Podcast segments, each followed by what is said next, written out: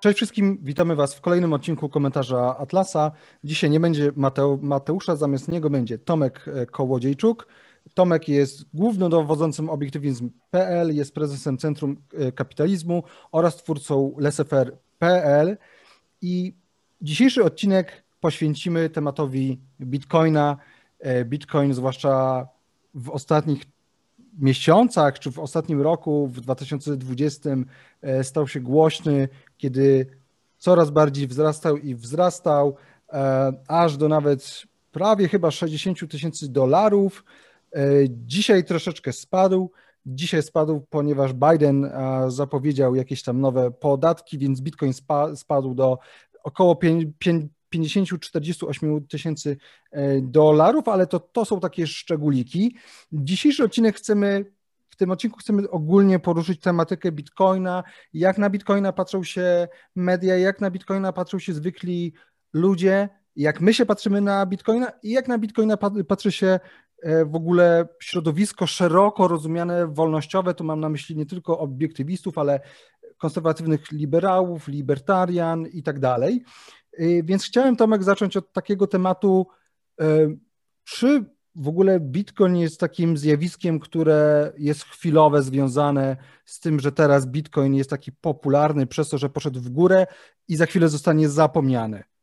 Czy, czy to jest chwilowa moda? Przede wszystkim cześć e, Ziemowit. Cześć. Witajcie słuchacze, dzięki za zaproszenie. Jestem fanem komentarza Atlasa, ale też wydawcą. E, zapraszam na podcast obiektywizm.pl, tam są nasze odcinki na wszelkich platformach podcastowych e, i niedługo pewnie też e, ruszymy z e, Yellow Pillem, podcastem o Bitcoinie, więc subskrybujcie. Jest 24 kwietnia, myślę, że data się przyda słuchaczom. Cena Bitcoina obecnie wynosi 49 400 dolarów i te spadki to nie były w tym tygodniu, tylko nie były wczoraj, tylko podczas całego ostatniego tygodnia, nawet niedawno się troszkę odbija, chociaż ja wolałbym nie mówić o cenie bitcoina wyrażonej w dolarach, tylko e, na odwrót e, cenie waluty fiducjarnej wyrażonej w satoshi, czyli takim dolarowym, bitcoinowym groszu. Więc dzisiaj jedna złotówka jest warta około 537 satoshi i na stronie yellowpill.pl my wspominamy o tym, że to tak naprawdę nie jest cena złotówki, tylko to jest odliczanie. Bo jak widzimy, Bitcoin od lat 13, od początku swojego powstania, e, uśredniając, pomijając różne wahania, e, czasem większe, czasem mniejsze, mm, jego cena wyrażona w walucie fiducjarnej rośnie, to znaczy cena złotówki spada i miejmy nadzieję, że kiedyś spadnie do zera i znajdziemy się jako ludzkość w świecie zhiperbitcoinizowanym, czyli w którym będzie jedna globalna cyfrowa waluta o e, fantastycznych właściwościach. I o moim zdaniem jest Bitcoin, więc ta 536 PLN przez SAT to nie jest cena złotówki. Okay. Czyli rozumiem, że ani nie uważasz, że to jest moda, tak? Bo od 13 lat Bitcoin cały czas wzrasta e, i od razu mówisz, że jesteś wielkim, że jesteś wielkim zwolennikiem Bitcoina i, i, i wielkim zwolennikiem jego no tego, co tak naprawdę Bitcoin nam może, nam może przynieść, tak? No to, no to w takim razie e, to jest bardzo ciekawe, bo wiele osób twierdzi, że Bitcoin to jest bańka, że Bitcoin to jest bańka i że ludzie tak naprawdę na niego nie przejdą. I się zastanawiam, czy nie obawiasz się, no bo z jednej strony mamy takich miliarderów jak Elon Musk, tak? Elon Musk jest wielkim zwolennikiem Bitcoina, ale z drugiej strony są też inni miliarderzy, a także wiele osób, e, którym nie do końca które albo uważają, święcie są przekonani, że Bitcoin nie będzie działał, albo to jest w ich interesie, żeby Bitcoin nie działał, no bo na przykład są powiedzmy prezesami banków światowych i innych banków e, centralnych, więc się zastanawiam... To się też zmienia, bo, bo, wielu, bo wielu z nich e, e, zmienia zdanie i zaczyna być zwolennikami Bitcoina, w tym instytucje z takiego tradycyjnego świata finansów, jak Citibank, Deutsche, Morgan Stanley, JP Morgan, czy nawet bardzo konserwatywne fundusze emerytalne od BlackRocka czy Mass Mutual nie tylko pozwalają swoim klientom na inwestowanie przez nich w bitcoina, ale też przenoszą część swoich aktywów, oszczędności mm, z powiedzmy złota, nieruchomości, czy nie dajcie może, albo jak na, na szczęście z mm, walut fiducjarnych do bitcoina, więc mm, jesteśmy w takim momencie, w którym ta technologia e, potwierdza się jako mm, solidny store of value, czyli aktywo, w, którym możemy zamrażać energię monetarną, tak jak się robi w, to, nie wiem, w obligacjach, w akcjach y, czy w walucie. Ok, pewnym składnikiem tej popularności jest na pewno moda, ale z biegiem lat y, jest to coraz mniejszy, myślę, składnik, bo jest to bardzo młode aktywo, więc na pewno on musi płynąć na fali pe pewnych trendów.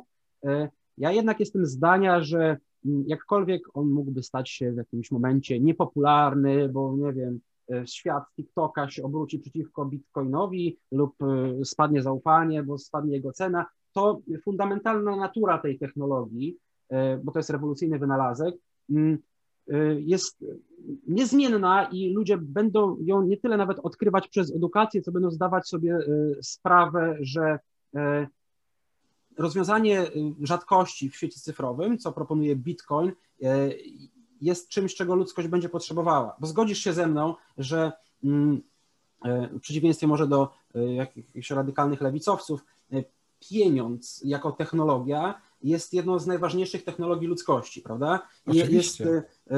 Jest, jest narzędziem, które w ogóle pozwala na zaistnienie, e, zaistnienie cywilizacji na, i na ich rozwój, no bo możemy, możemy dzięki nim dokonywać wymian między towarami nie bezpośrednio, tylko na szkielecie pieniężnym. Możemy rzeczy wyceniać. Jest to, niektórzy mówią, że e, pieniądz jest e, po prostu miarą wartości pewnych rzeczy, jest takim kijkiem pomiarowym. Nawet w niektórych społeczeństwach używało się kijków jako takich linijek, jako pieniędzy. Więc pieniądz jest takim, to nawet nie jest branża gospodarki, jak nie wiem, energetyka, przemysł czy rolnictwo, tylko to jest krwiobieg gospodarki. To jest nawet taka wiem, ściółka drzewna lub grzybnia, na której mogą te wszystkie inne gałęzie rosnąć. I od lat 100, a nawet bardziej od 30, kiedy w ogóle mm, przestano powiązywać waluty fiducjarne, a mianowicie dolara y, ze złotem, y, ten pieniądz, mamy raka na tym pieniądzu. Tym rakiem jest bankowość centralna, kontrolowana przez polityków. I e, Bitcoin e, stanowi świetną ucieczkę, ponieważ jest technologią, która ze względu na swoje właściwości monetarne, mm, jaka rzadkość, jak solidność, jak możliwość łatwego przenoszenia w czasie i przestrzeni, będzie coraz częściej i coraz bardziej powszechnie używany jako pieniądz i w końcu te waluty e, państwowe dotrze.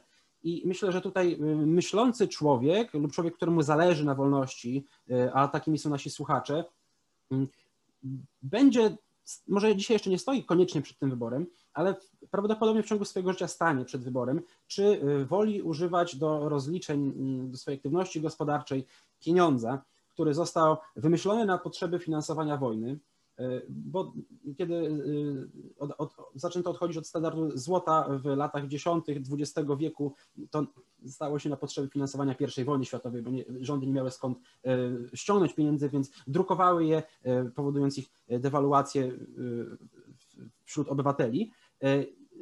Pieniądz stworzony na potrzeby wojny oraz dzisiaj wojny finansujący, no bo e, dzisiaj inflacja jest ukrytym podatkiem, jest tym mechanizmem do dróg pieniądza, i to zwłaszcza pokazał ostatni rok, e, którym państwo może finansować wszelkie swoje zachcianki, e, tarcze kryzysowe, programy socjalne, 500, jakieś wojny, nie ściągając ich bezpośrednio od obywateli, bo obywatele nie widzą tego tak od razu, że inaczej, inaczej mają, inne podejście mają, gdy muszą bezpośrednio zapłacić podatek, a inne, Jasne. gdy jakiś bank centralny wyemituje kilkanaście miliardów i za nie sfinansuje programy socjalne, Oczywiście, które tak. będzie musiał e, kiedyś, opła- e, kiedyś musiał obywatel zapłacić. Więc mamy, mamy pieniądz, który nie jest tak naprawdę teoretycznie nie powinien być pieniądzem, dolar czy złotówkę, stworzony e, na potrzeby wojny i finansuje wojny pod kontrolą polityków i politycy kontrolują nie tylko ich, jego podaż, ale też e, kierują nowo wyprodukowane pieniądze lub blokują e, ludziom dostęp do,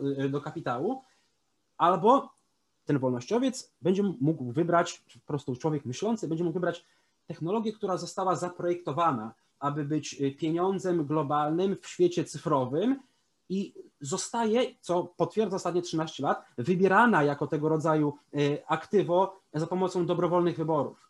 Więc jest to moim zdaniem Bitcoin nie lubię dyskutować o jego cenie, bo to jest kwestia tego, jak inni ludzie go mm, wyceniają, chociaż to jest zawsze najbardziej przyciągający i tabloidowy e, temat, mm, tylko o jego naturze i moim zdaniem to mm, Bitcoin uratuje świat przed, może nie tyle świat, co ludzi, którzy będą z niego korzystać, przed tym nowotworem pieniężnym, jakim jest bankowość centralna.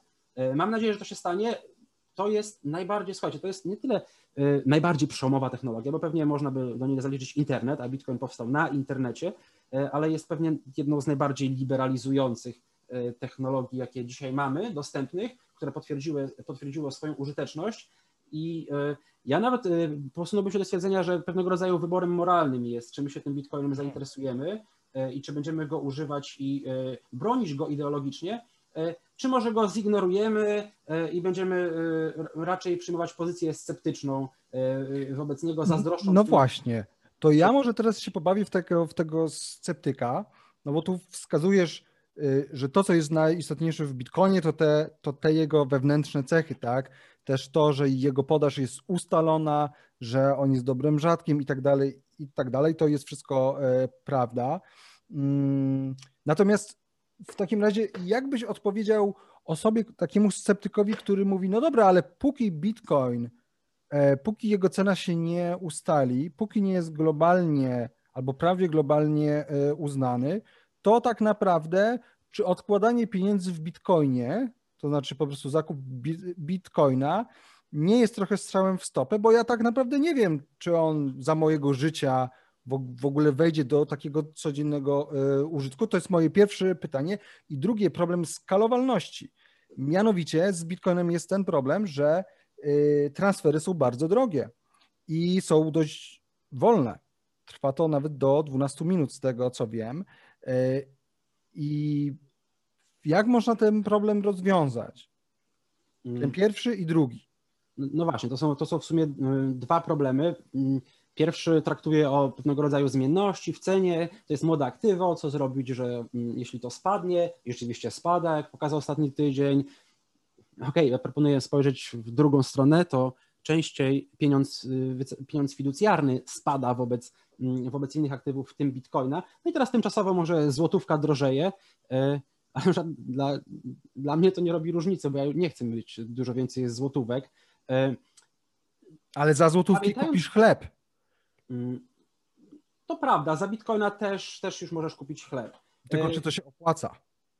Dzisiaj pewnie nie, ale ja nie wyobra- ciężko mi sobie wyobrazić, żebyśmy w 2100 roku e, ludzkość wciąż używała mm, błyszczących kamyczków jako pieniędzy e, lub e, nie, jeszcze nie zrozumiała, że ten eksperyment pieniądza fiducjarnego E, nie jest utrzymywalny w długim okresie i stanowi najlepsze polityczne kontrole, e, najlepszą polityczną technologię do kontroli e, ludzkości, do kontroli ich kapitału.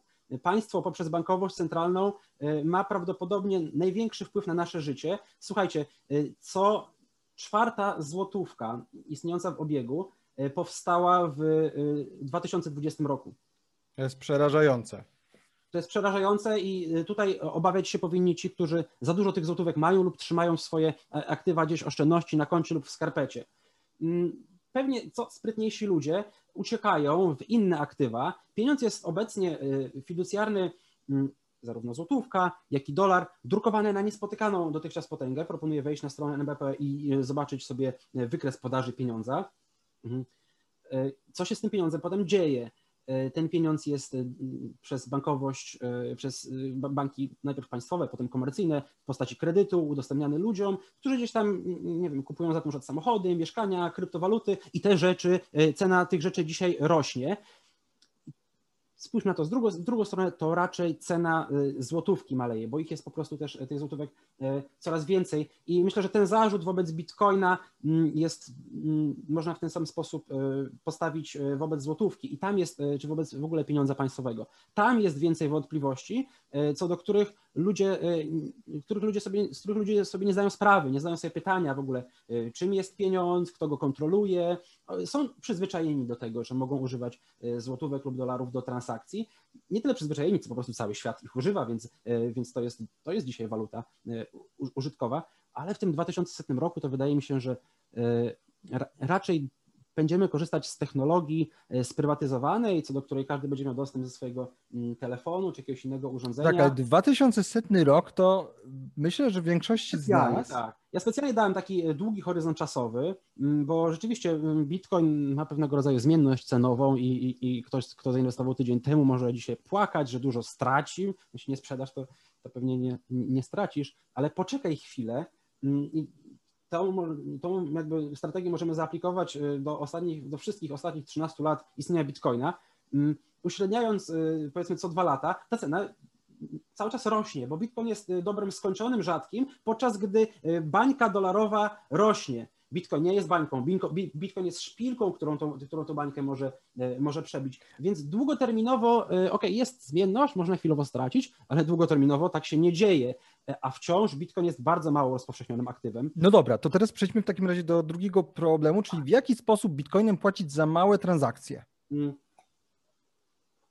Słuchajcie, Bitcoina też e, to rozumienie e, tej technologii też z roku na rok mm, z czasem się troszkę zmieniało i pewnie jeszcze będzie zmieniać, jako że Bitcoin też jest taką siecią, którą tak naprawdę ty decydujesz, czym on może być, czy, czy będzie dla ciebie złotem, czy będzie czymś do płacenia za kawę, czy może będzie mechanizmem do potwierdzania praw własności lub jakichś kontraktów, bo takie rzeczy też można robić na sieci Bitcoin. Bitcoin jest protokołem do komunikacji y, mm, wartości lub do potwierdzania prawdy y, w sieci rozproszonej na całym świecie. Więc najczęstszym jego użyciem jest przesyłanie tych właśnie satoshi, które odpowiadają za pieniądz i e, on służy jako pieniądz. Ale nie musi.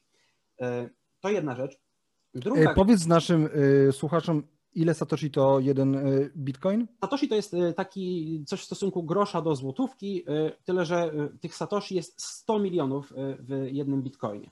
Dlatego ja wcześniej powiedziałem, że jedna złotówka kosztuje 536 satoshi, czyli takich groszy. Kiedyś będzie taki moment, że E, jedna złotówka będzie równa jednemu satoshi, e, więc e, tak, polecam, polecam zbierać satoshi dzisiaj. No ale wracając, wracając do, tego, mm, mm, do tego problemu transakcji. Rzeczywiście, co 10 minut Bitcoin jest, taką, jest technologią blockchain, którą, która polega na zapisywaniu historii zdarzeń i przetrzymywaniu jej w rozproszonej bazie danych i dopisywaniu do nich. E, kto komu przelał. E, tych transakcji w każdym bloku, który wychodzi co mniej więcej 10 minut, zmieści się około tysiąca. E, te bloki mają określoną przepustowość, więc następuje licytacja wśród użytkowników sieci, kiedy chcą coś przesłać, z której licytacji korzystają górnicy i walidator, węzły sieci, które walidują te transakcje więc te transakcje kosztują, bo trzeba zapłacić pewną opłatę transakcyjną, żeby, żeby tą Twoją transakcję zgłoszoną z Twojego portfela, e, czyli Twój przelew, można było w sieci Bitcoin potwierdzić. Więc dzisiaj jest ograniczona przepustowość sieci Bitcoin i to kosztuje i to zajmuje czas rzeczywiście, żeby, żeby przesłać mm, dolara e, w sieci Bitcoin to kosztuje dzisiaj być może nawet 10 dolarów. Teraz ceny są bardzo, e, bardzo wysokie, może nawet więcej, nie sprawdzałem. Ale żeby przesłać bilion dolarów, to też będzie kosztowało 10 dolarów. I dzisiaj żadna technologia nie pozwala na mm, tak precyzyjne przesyłanie wartości ekonomicznej y, wzdłuż i dookoła y, całego globu w 10 minut, y, potwierdzaną przez całą sieć i nieodwracalną. Mm, to oczywiście nie służy być może płaceniu za kawę, ale słuchajcie, kiedy dzisiaj płacimy za kawę z złotówkami, czy nie wiem, kartą, na przykład Revolut, płacimy za kawę w Starbucksie, czy w jakimś innym jakiej, w jakiej sieci, to też nie jest tak, że w tym momencie bank y, twój Santander do banku PKO y, niesie sztabkę złota odpowiadającą cenie kawy i teraz, teraz tam u nich jest ten, jest ten pieniądz z twojego konta na konto Starbucksa. Nie.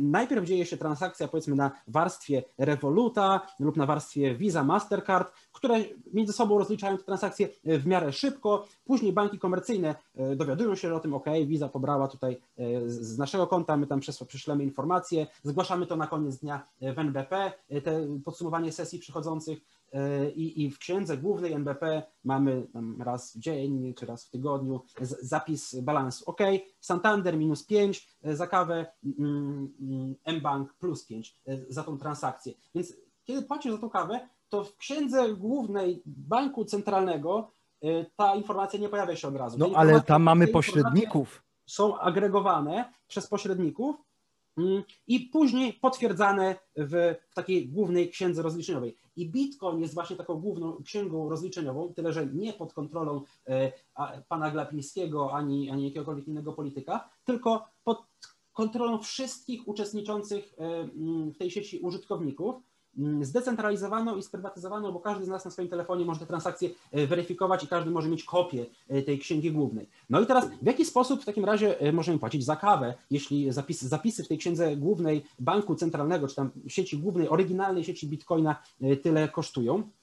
Pojawiają się rozwiązania. Ok, są pośrednicy. Tak? Dzisiaj PayPal na przykład pozwala na Mm, zakupy i przelewy Bitcoina. E, Visa już zgłasza taką chęć, jest e, taki startup bardzo e, rozpowszechniony w Stanach Strike oraz Square, które pośredniczo świadczą takie usługi finansowe jak powiedzmy Revolut czy, czy, czy Mastercard, które również pozwalają na używanie Bitcoina jako, jakiego, jako takiego pieniądza rozliczeniowego.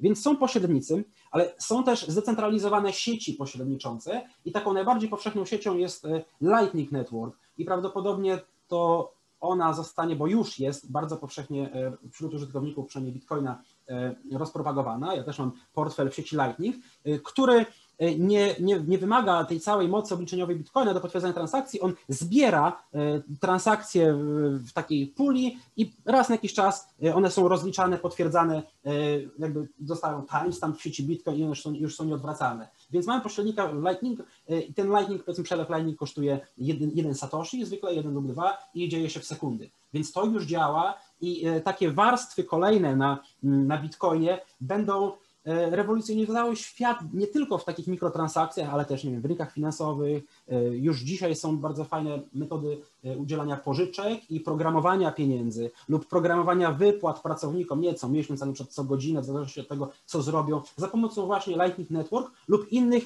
sieci kolejnych warstw na Bitcoinie. A Bitcoin, ten oryginalna sieć, tej, ta główna księga rozliczeniowa, będzie służyła do ich potwierdzania. Więc możemy traktować raczej rzeczywiście, e, porównywać Bitcoin nie do e, złotówek na karcie kredytowej, tylko raczej do złota, a, mm, a te kolejne warstwy, bo dzisiaj też pieniądz mamy taki właśnie powarstwiony. Tak. W skarbcach banki centralne mają w swoich skarbcach złoto, które już dzisiaj nie ma mm, przywiązania ilościowego do e, tej głównej księgi rozliczeniowej NBP-u, w której się zapisuje, ile jest tych pieniędzy w gospodarce i, i ksiąg różnych pomocniczych Potem jest kolejna warstwa e, ksiąg rozliczeniowych w bankach centralnych. Visa jest powiedzmy kolejną warstwą, czy PayPal na, na tym głównym pieniądzu. Więc Bitcoin, e, rozwiązuje, Bitcoin ma rozwiązany problem skalowalności i małych transakcji. E, jeszcze w 2017 roku, kiedy ten pierwszy taki powszechny bull run na Bitcoina był, to, to ten Lightning nie był tak powszechny i rzeczywiście to był problem, który bardzo często się pojawiał w różnych debatach o Bitcoinie lub sceptycy go zarzucali. Dzisiaj on jest rozwiązany. E, i, i ten Lightning Network się sprawdza. Ale to w takim razie tutaj pojawia się pytanie, no bo ten Lightning Network faktycznie brzmi super i mnie osobiście ten pomysł się bardzo podoba. Na, natomiast w przypadku wizy i tak dalej, no to tutaj ludzie mogą się, mogą się zastanawiać, no tak, ale to, mo, to może być pod kontrolą rządu. I teraz pytanie, czy Lightning Network może być pod kontrolą rządu? Lightning Network działa bardzo podobnie do Bitcoina. A zatem nie można go sterować, nim sterować jest, centralnie. Y, jeśli się nie mylę, nawet jest, y, jego sieć jest bardziej rozproszona niż, y, niż, niż sieć Bitcoina. Łatwiej jest dużo postawić węzeł sieci Lightning niż, niż samego Bitcoina, chociaż to obie rzeczy są dość łatwe. Więc tutaj raczej takiej obawy nie mamy. Poza tym, kto ma taką obawę, to może po prostu dokonywać transakcji na oryginalnej sieci Bitcoin. To nie jest, wiesz, to nie, to, to nie jest zarzut, który w ogóle cokolwiek obala. To jest pewnego rodzaju problem, ale problem z takiego utopijnego punktu widzenia. Tak? Bo mhm. zawsze chcieli, tak, chcielibyśmy, żeby się działy rzeczy natychmiastowo, żeby były bezpieczne, potwierdzone i e, hej, dzisiaj Bitcoin, sieć Bitcoin tego nie robi, to nigdy nie będzie miało szans. Jak widzimy, powstają rozwiązania, które te problemy e, rozwiązują, one się półpowszechniają. Jest grupa zapalonych wręcz sekciarzy, programistów, którzy czuwają nad tym, żeby te, te rzeczy były maksymalnie bezpieczne, zdecentralizowane, one są otwartoźródłowe najczęściej, więc każdy może sprawdzić, co się w tym Lightning Network dzieje, każdy może zweryfikować transakcje na Bitcoinie i na Lightning Networku, mm, więc e, ja jestem optymistycznie do tego nastawiony i myślę, że większość z tak zwanych e, foodów, czyli fear under despair, coś takiego, takich argumentów sceptycznych wobec Bitcoina, to są takie właśnie E, ubolewania e, typu e, socjalistów, którzy mówią, a kto w akapie będzie budował drogi, a co jeśli ktoś jest sierotą i nie ma ręki.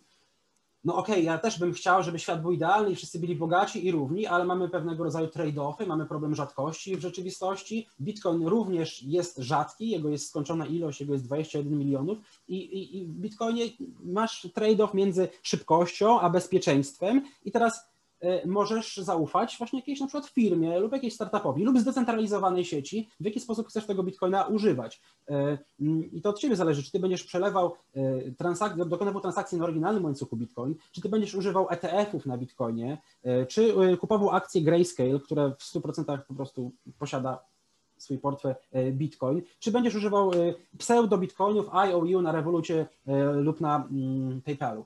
Mm, to, to, zależy, też... to zależy od użytkowników, to, y, czym ten Bitcoin jest. To jest y, fantastyczna technologia, która no, jak na razie najlepiej rozwiązuje e, problem solidnego pieniądza w gospodarce.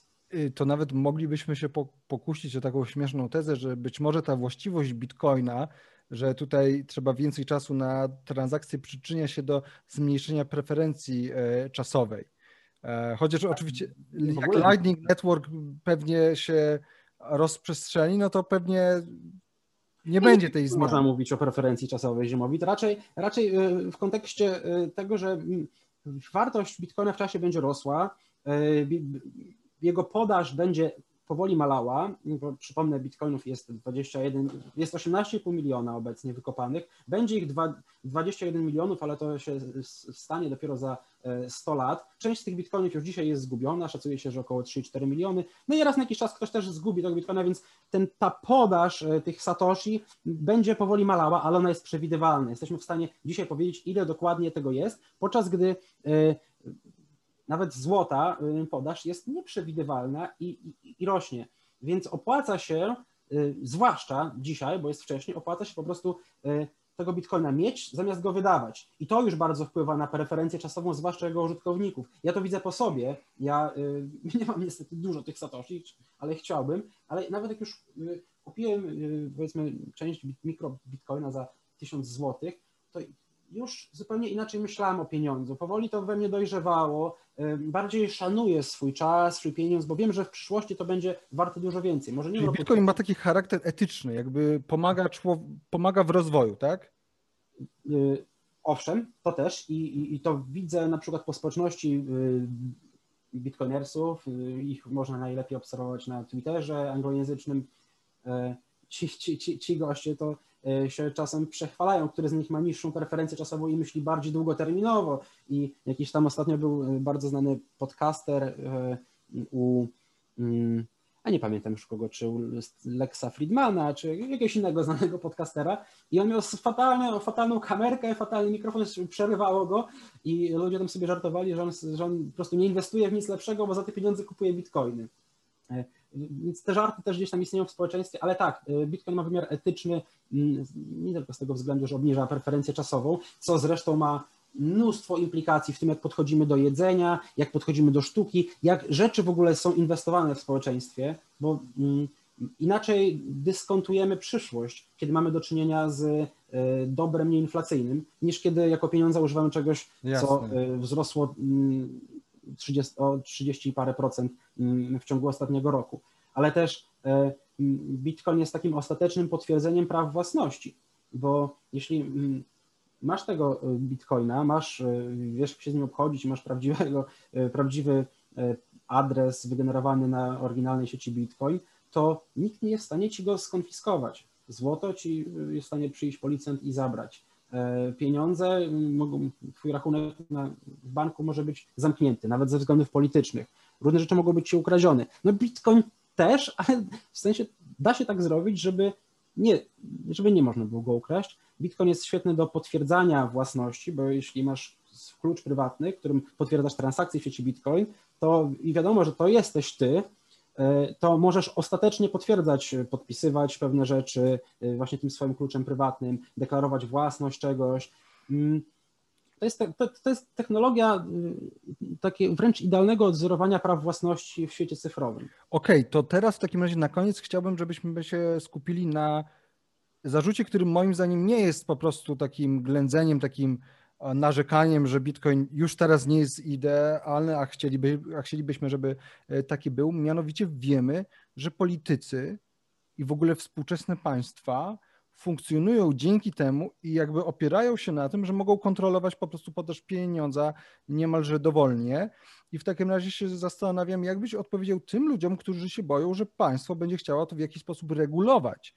Na przykład wbić nam do domu, zająć, zająć e, serwery, próbować dojść kto skąd e, próbuje w jakiś sposób handlować, przesyłać bitcoiny, dokonywać transferów, że być Mnie może... to akurat zachęca, nie? Mnie to akurat zachęca, jeśli... jeśli Okej, okay, ale załóżmy, że już bitcoin powoli zaczyna być taki bardziej, y, że już powoli pieniądz dekretowy y, jest coraz słabszy i rządy państwowe, rządy różnych państw się orientują, kurde, nie będziemy mogli rządzić tak jak, dotycz, tak jak dotychczas chcieliśmy. Nie będziemy mogli dowolnie finansować wojen, dowolnie zdobywać władzy przez obiecywanie 500 plus i, tak, i, i, takich, i takich innych e, socjalnych rzeczy i programów.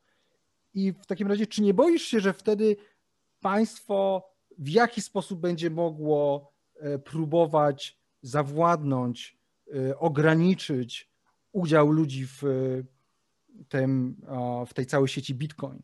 No rzeczywiście ten e, argument ad governmentum wydaje się najsilniejszy wśród tych zarzutów stawianych Bitcoinowi. Bo governmentum jest silne. Bo governmentum jest silne i ten argument w sumie można e, zastosować do każdej technologii. Mm, jednak nie wydaje mi się. Mm, z kilku powodów, e, Ziemowit. Mm, teoria gier nawet sugeruje, że jeśli e, jakieś państwo, dajmy na to Chiny, będzie chciało zakazać bitcoina tak totalnie, technologicznie oczywiście nie jest w stanie tego zrobić, ale mogłoby w jakiś sposób represjonować ludzi, tak. co do których będzie miało podejrzenia, że. Jakby zniechęcać ich, tak. tak e, że tego bitcoina mm, posiadają.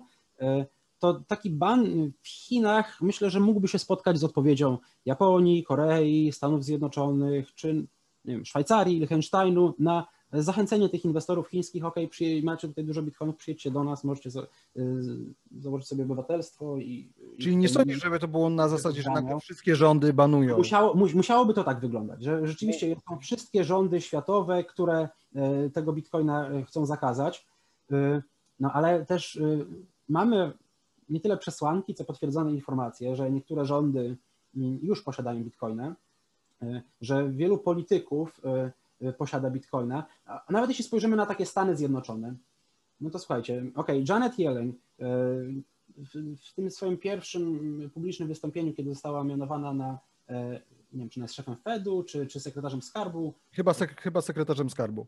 Bo ona wcześniej była szefem Fedu. Tak. Mm, to powiedziała, że ona jakby go Bitcoina nie chce banować, ale uważa, że przydałoby się mm, go troszkę uregulować okej, okay, niektórzy nawet mogą znaleźć e, w tym e, plusy, bo, bo ta adopcja będzie może troszkę bezpieczniejsza, może ludzie zyskają na tym zaufanie, ale też e, szefem Securities and Exchanges Commission, SECU, został, ja nie mam teraz jego nazwiska, ale taki człowiek, który ma najpopularniejszy kurs o Bitcoinie na YouTubie z otwartego Stanforda.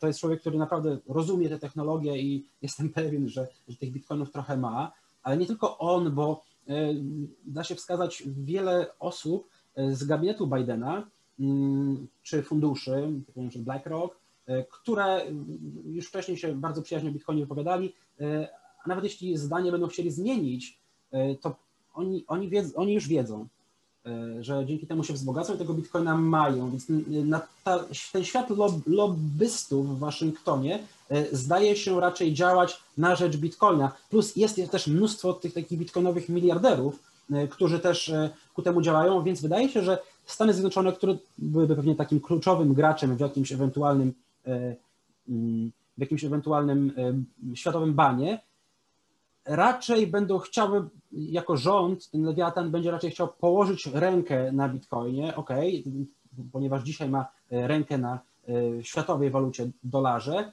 ale wątpię, żeby chciał go zdelegalizować. A jeśli to zrobi, no to wtedy właśnie mamy argument, że być może Chiny, w której znajduje się większość mocy wydobywczej sieci Bitcoin, pozwolą na niego i pozwolą swoim obywatelom się bogacić. Bo jest to ok, technologia, która rzeczywiście e, walczy z e, rządem, ale bardziej niż walczy z rządem, ona e, pozwala na ekonomiczny rozwój społeczeństw. Ban na Bitcoinie nie dość, że technicznie jest niemalże niemożliwy, bo trzeba by kontrolować cały internet, a to jest też inna kwestia tej infrastruktury, co byłby po prostu strzałem w stopę. Mm, więc myślę, że incentives rządów, ale też pojedynczych polityków raczej nie jest e, i wektor tych zachęt nie jest skierowany przeciw Bitcoinowi, ale mm, delikatnie wzdłuż. No i to jest w takim razie całkiem optymistyczna na koniec um, taka nutka tej naszej dzisiejszej rozmowy. Ja myślę, że do rozmów o Bitcoinie będziemy jeszcze wracać. Tomek, dzięki wielkie. Tak, też mam taką nadzieję. Dzięki Ziemowi, dzięki słuchacze. I słuchajcie, mamy jeszcze jedną informację, mianowicie za dwa dni, 26 kwietnia odbędzie się ciekawy event. Tomek? 26 kwietnia, nawet e, w polskiego czasu to będzie północ, 26 na 27 kwietnia, e, Jaron Bruch, którego E, większość ze słuchaczy, mam nadzieję, kojarzy. Jeśli nie, to zachęcam do zapoznania się z tą postacią. Jest to e, były CEO Ayn Rand Institute, obecnie podcaster i publiczny intelektualista. Zresztą świetny mówca. Był, był też naszym ziemowit gościem kilkukrotnie na wydarzeniach w Polsce. E, będzie debatował, debatował, rozmawiał ze Stefanem Liverą. Stefan Livera jest jednym z bardziej popularnych takich ewangelistów, wręcz apostołów Bitcoina, przedsiębiorcą, który ma świetne kursy, podcasty mm, w tym temacie. W świecie Bitcoina pewnie jedna z najbardziej popularnych osób, e, więc e, i my będziemy e, jako obiektywizm.pl tę dyskusję mm, hostować oraz moderować. Mam nadzieję, że, że dojdzie do jakichś owocnych wniosków, bo ja na przykład ubolewam, że ten świat, zwłaszcza w Polsce, świat, scena wolnościowa nie krzyżuje się tak bardzo z tą sceną Bitcoin, więc, więc tutaj między innymi ten podcast, to co będziemy robić na Yellow Pillu, czy w ogóle w Centrum Kapitalizmu mam nadzieję, że będzie się starało troszeczkę bardziej te społeczeństwa zazębiać, e, ale też z drugiej strony, ja chciałbym, żeby, ja, jeśli uważam, że mm, te aktywo bardzo jeszcze wzrośnie w cenie, bo moim zdaniem jesteśmy wcześniej, Bitcoin jest tani, a jego cena może osiągnąć pułapy rzędów większe, to yy, chciałbym, żeby wcześniej yy, do tego świata weszli właśnie obiektywiści, wolnościowcy, słuchacze Jarona Bruka czy, czy komentarza Atlasa, bo chciałbym, żeby ci ludzie byli w przyszłości mm, po prostu bogaci. No.